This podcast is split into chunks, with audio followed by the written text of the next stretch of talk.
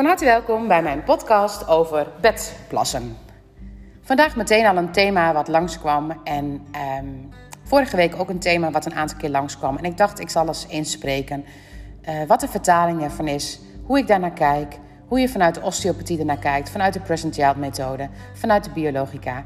En um, ik hoop dat je daarmee wat tools kan geven om te kijken naar dit probleem, wat sommige kinderen heel onzeker maakt en wat sommige ouders denk ik ook wel eens tot wanhoop drijft.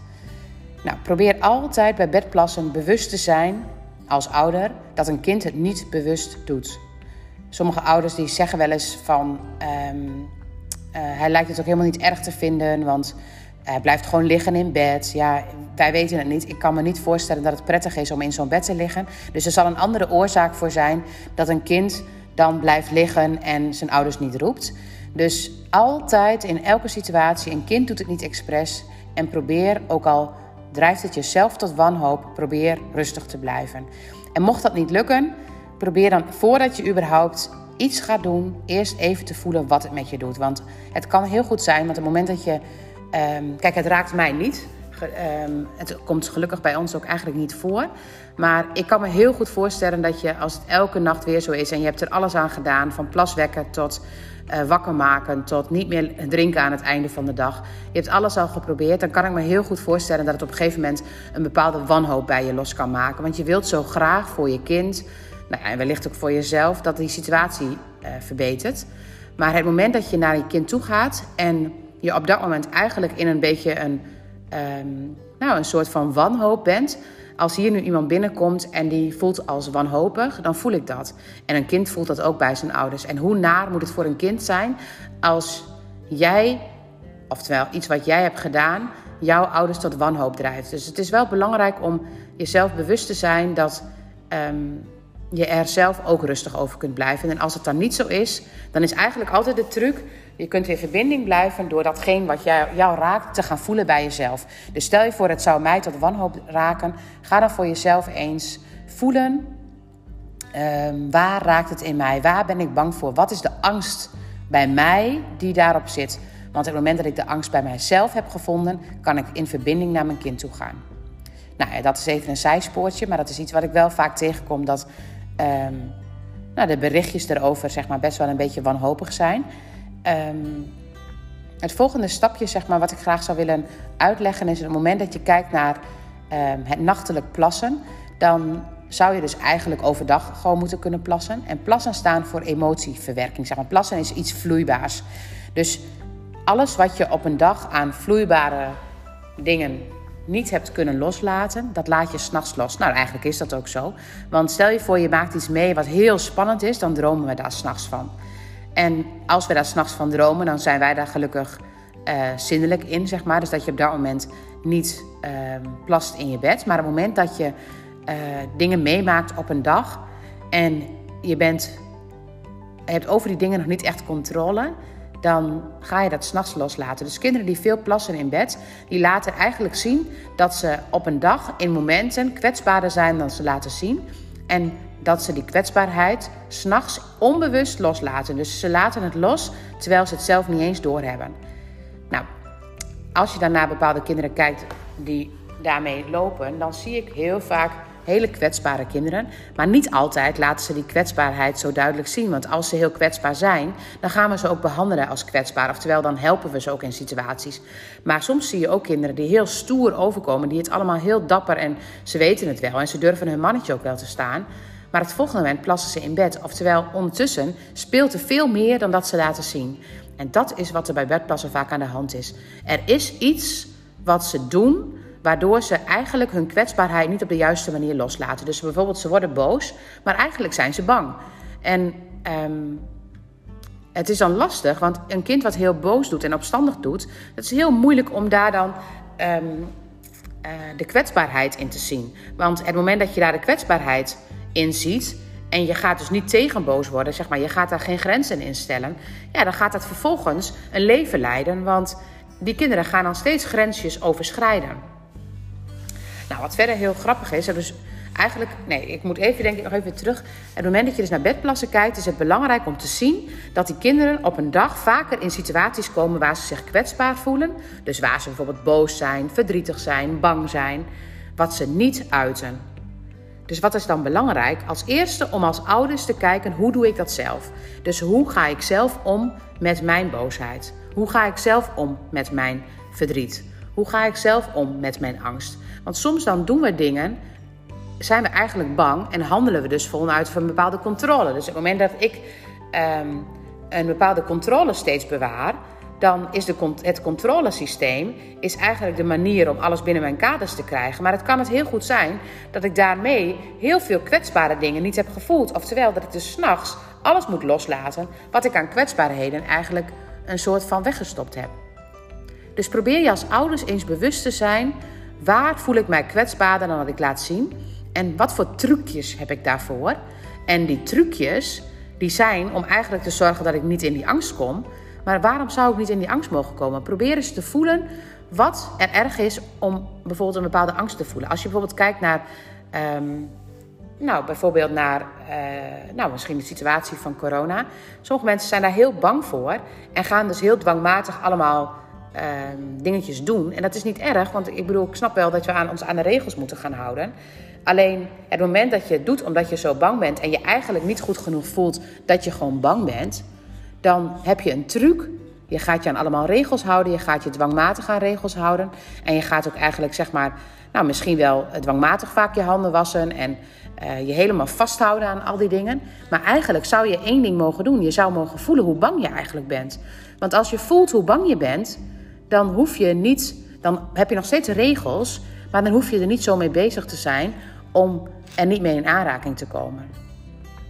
Dus um, het gaat er soms om dat je gaat zien waarom je bepaalde dingen doet. Waarom doe je bepaalde handelingen en waarom uh, en wat wil je er eigenlijk mee omzeilen? Nou, op het moment dat je dus als kind bedplast, dan laat je dat aan je ouders zien. Dat je ouders eigenlijk uh, ergens mee bezig zijn wat een, wat, uh, een truc is. Dus eigenlijk zeg maar, zijn ze iets aan het doen uh, waarbij ze ondertussen toch nog iets voelen waar ze niet mee bezig zijn. Dus op een dag pakken ze veel te veel op, ze verwerken het niet en ze gaan s'nachts daarmee aan het verwerken. Sommige kinderen zijn niet alleen zeg maar, dat, het verhaal van het, het, trucje, zeg maar, dat ze een trucje uithalen. Sommige kinderen pakken ook verschrikkelijk veel op uit een dag. Die pakken uit elke zin die iemand zegt, halen ze meer dan dat eigenlijk nodig is. Uit elk uh, wandelingetje door het bos zien ze van alles. En eigenlijk uiteindelijk gaan ze zoveel door dat ze uiteindelijk geen moment nemen van rust, waarbij ze even gaan plassen, zo noem ik het dan maar. En als je overdag geen moment neemt om eventjes rustig te gaan plassen, ja, dan gaat het, s'nachts gaat het ook niet goed, want dan ga je alles toch verwerken. En als je het verwerkt en het was veel, ja, dan moet je veel gaan plassen. Dus het is soms ook goed om te kijken naar.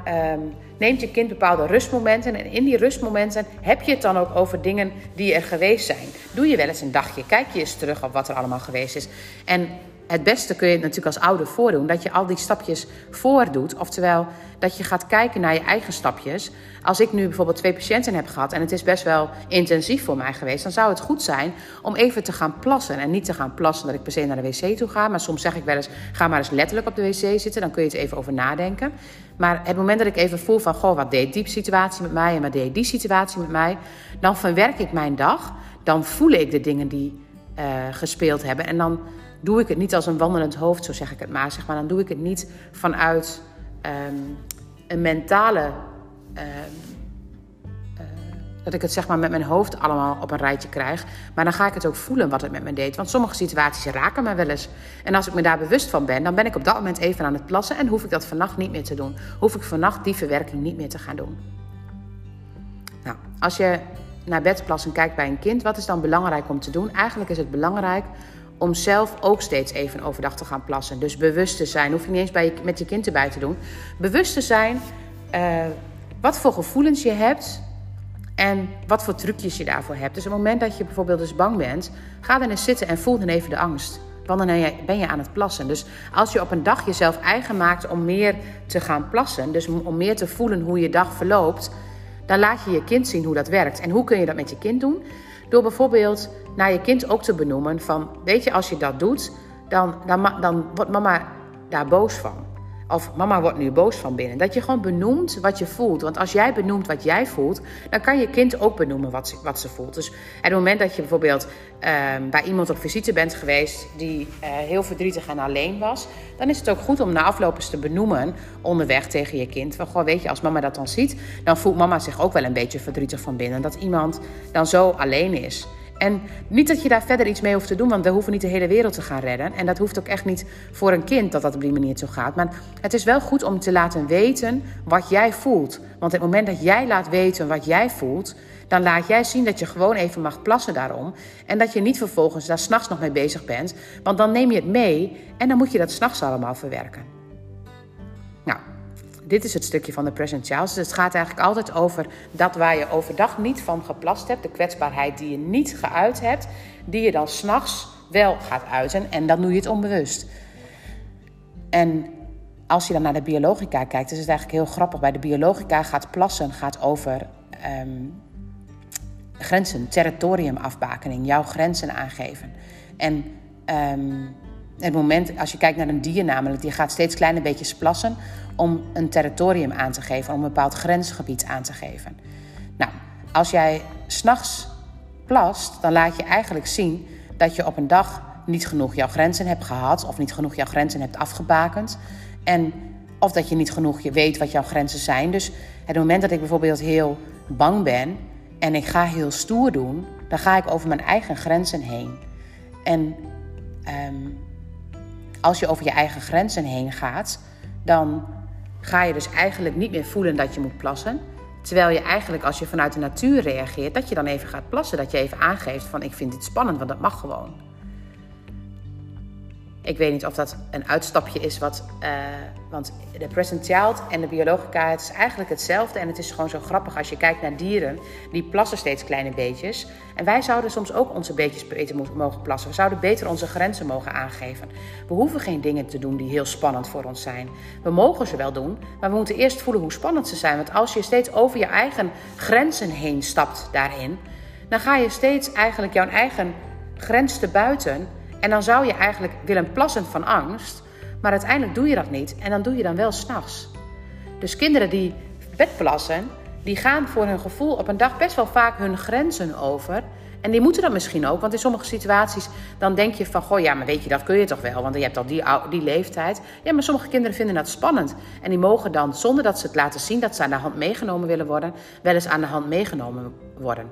En die mogen ook grenzen krijgen. Want als ik begrens, dan zorg ik daarmee ook dat ik binnen de grenzen blijf en dat ze dus een territorium krijgen en dat ze dus weten dat ze daar mogen plassen, dat ze dat mogen gaan loslaten.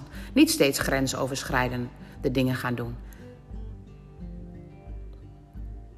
Nou, ik zat er voor mezelf eventjes na te kijken of ik alles daarover benoemd heb. Mochten er vragen over zijn, laat het gewoon weten. Bedplassen is een heel thema. En, um, maar het is heel mooi om jezelf bewust te zijn hoe plassen werkt en dat het over grenzen gaat. En wat zijn jouw grenzen? En waar ga je de grenzen over van jouw gevoel? Hè? Dus ik bedoel, dat is niet, ik kan daar niks over zeggen wat een grens is. Het, wat is jouw gevoel van een grens? Waar word jij bang? Waar word jij boos? Waar word jij verdrietig? En als, dat dan, als je dan verdrietig bent, zeg dat dan. Want het moment dat je dat benoemt, of als je benoemt waar je bang of boos bent, dan uit je dat.